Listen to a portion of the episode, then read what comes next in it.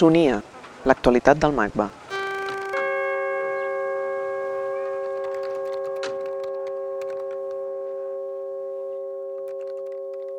Amb el títol de volum, el MACBA presenta la primera d'una sèrie d'exposicions que la Fundació La Caixa i el MACBA organitzaran conjuntament, amb diverses obres de les 5.500 que reuneixen les dues col·leccions. Volum traça un itinerari que discorre entre la dimensió escultòrica i l'acústica i proposa una interpretació del pas del segle XX al segle XXI en termes de canvi de paradigma material, sensorial i programàtic de l'art. L'exposició posa en dubte els clixés que identifiquen els anys 80 amb la supremacia de la pintura i el segle XX com el segle de la imatge. Per contra, situa en el centre del canvi de segle la preeminència de l'escultura, que rebutja i supera els principis del minimalisme imperant fins als 70 i de la fotografia, que desborda definitivament el concepte de document a favor d'una nova dimensió estètica. Volum consolida el so i la veu com elements de la producció artística en el canvi de segle. El nou model pren com a punt de partida els treballs experimentals en format cinematogràfic i en vídeo, que decanten l'art cap a un llenguatge narratiu que s'independitza progressivament de la imatge. Sonia parla amb Bartomeu Marí, director del MACBA i comissari de Volum, i Nimfa Bisbe, directora de la col·lecció d'art contemporani Fundació La Caixa.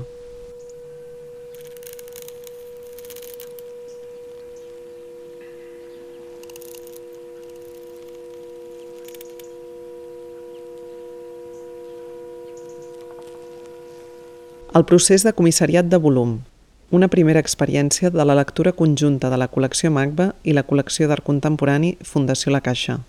Nimfa Bisbe, directora de la col·lecció d'art contemporani Fundació La Caixa.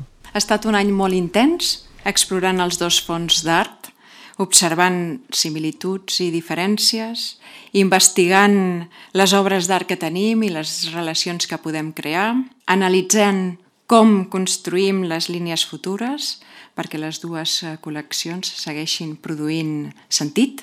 Les dues col·leccions, com sabeu, van néixer amb una voluntat similar, reconstruir la història i la memòria de l'art recent, però amb un esperit eh, obert que pugui admetre múltiples lectures i interpretacions i amb la unió d'aquestes dues col·leccions tenim l'oportunitat d'ampliar aquests itineraris, aportar altres interpretacions, altres lectures que contribueixin a comprendre millor la sensibilitat i la creació del nostre temps. Volum és un d'aquests itineraris que s'ha fet possible avui és una nova lectura de les col·leccions i de l'art dels últims temps.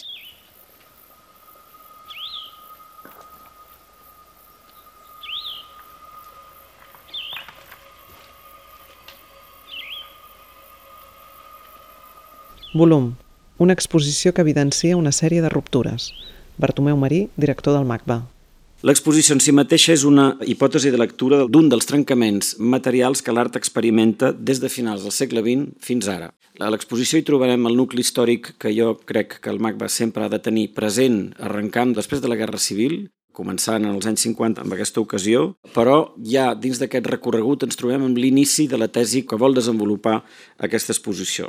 Es tracta d'un trencament que construeix un nou paradigma material i que genera un canvi profund en la sensorialitat del receptor, per una banda, que ja no és espectador només i que es fa oient en un recorregut físic que implica una nova consideració del cos.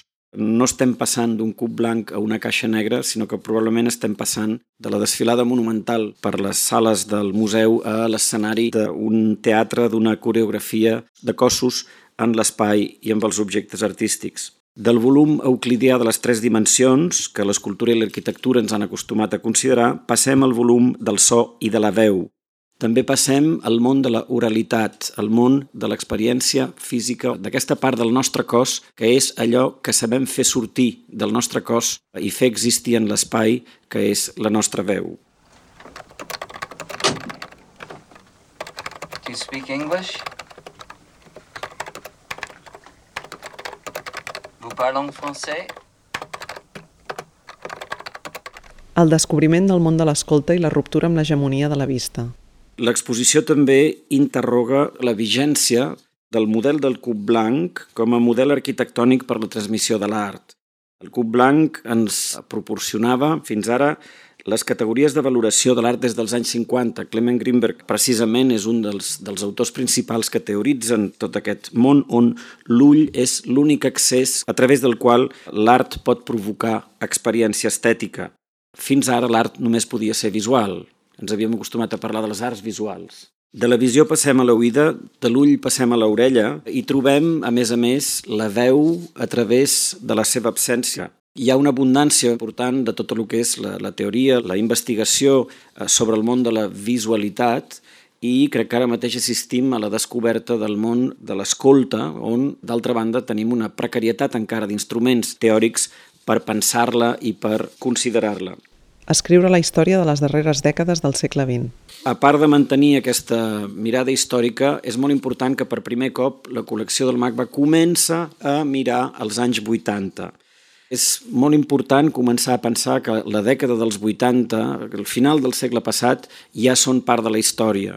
I aquesta exposició no resol aquest tema, és una primera manera de mirar-ho, relativament ràpida. Anem apuntant una sèrie de temes amb molta probabilitat a través de les exposicions, tant temporals com de la col·lecció, anirem ajustant, anirem afinant.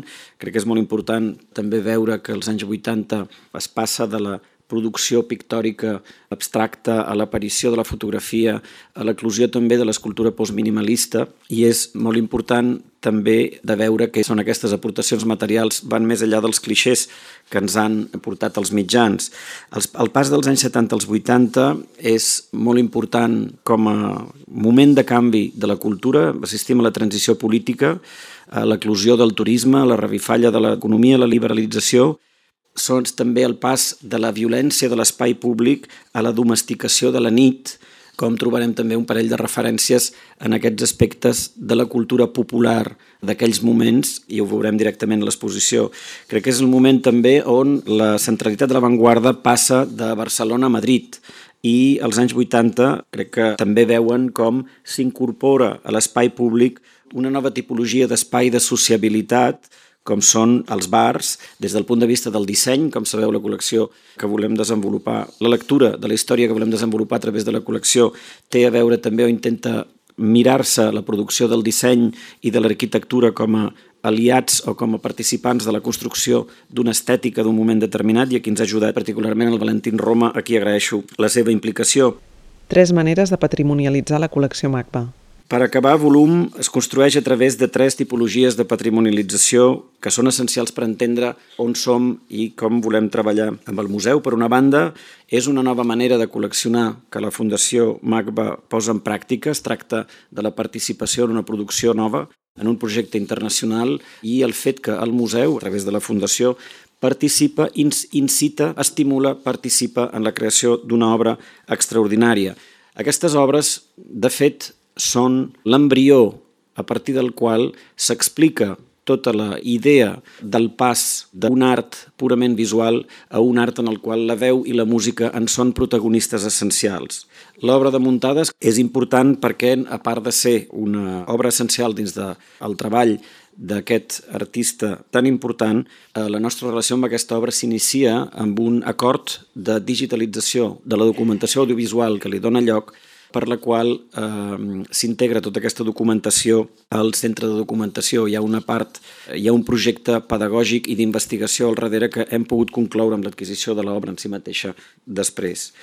I fonamentalment també hi descobrirem del fruit extraordinari d'aquest acord amb la Fundació La Caixa incorporacions recents d'artistes que representen també aquest interès del MACBA per ser un punt de referència important entre Europa i Àfrica en l'àmbit mediterrani amb obres dels artistes libanesos Akram Zatari o Rabim Roué, a més de projectes futurs que estem, estem realitzant amb l'artista israeliana Sigalit Landau o amb Ariela Azulay. Wasteland, de Juan Muñoz. Jo volia destacar una obra en concret d'aquest període, que és la de Juan Muñoz, Wasteland. És una obra del 1986 que vam adquirir a la Galeria Marga Paz en, en aquell moment, el 86.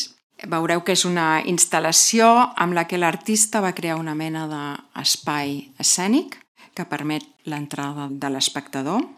Es tracta de la primera versió de Wasteland Després va fer diverses variacions de l'obra, però la nostra també té una variació, perquè l'artista la va construir amb un terra de ceràmica.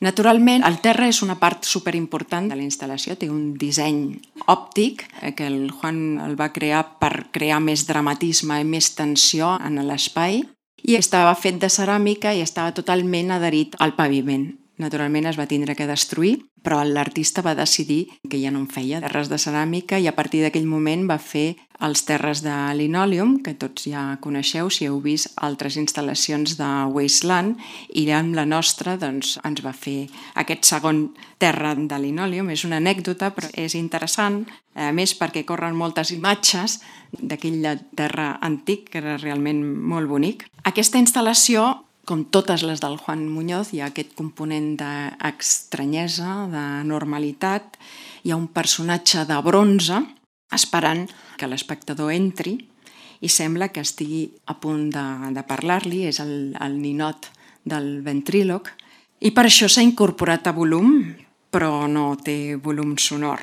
És una eh, instal·lació de, de silenci, és una obra que ens parla de la soledat de l'individu o més aviat de les dificultats de comunicació.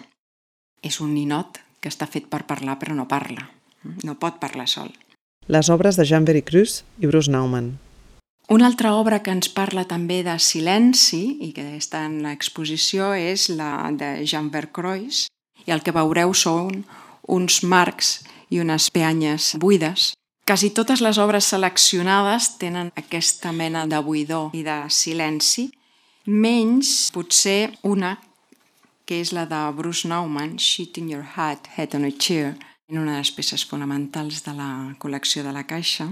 És una de les obres que hem deixat en préstec més sovint als grans museus internacionals.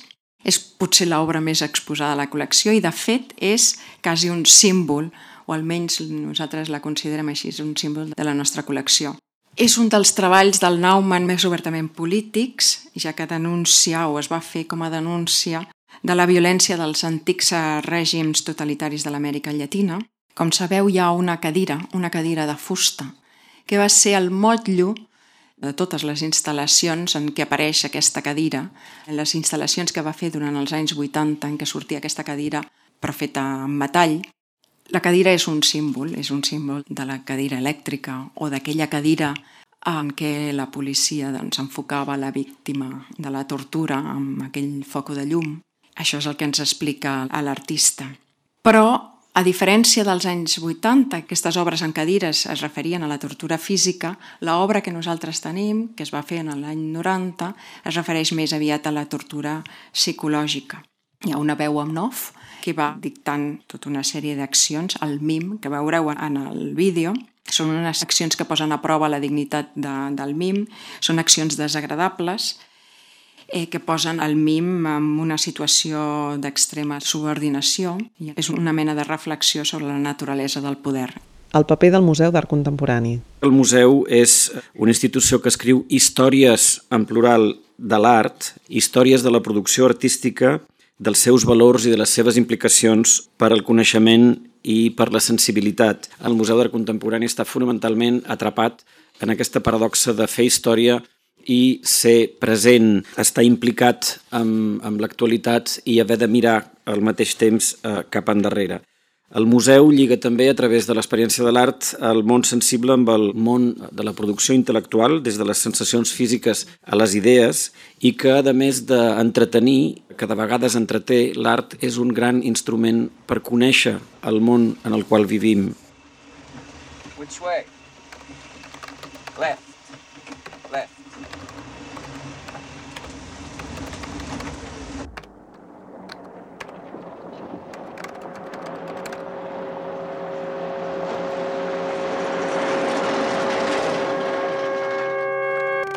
macba.cat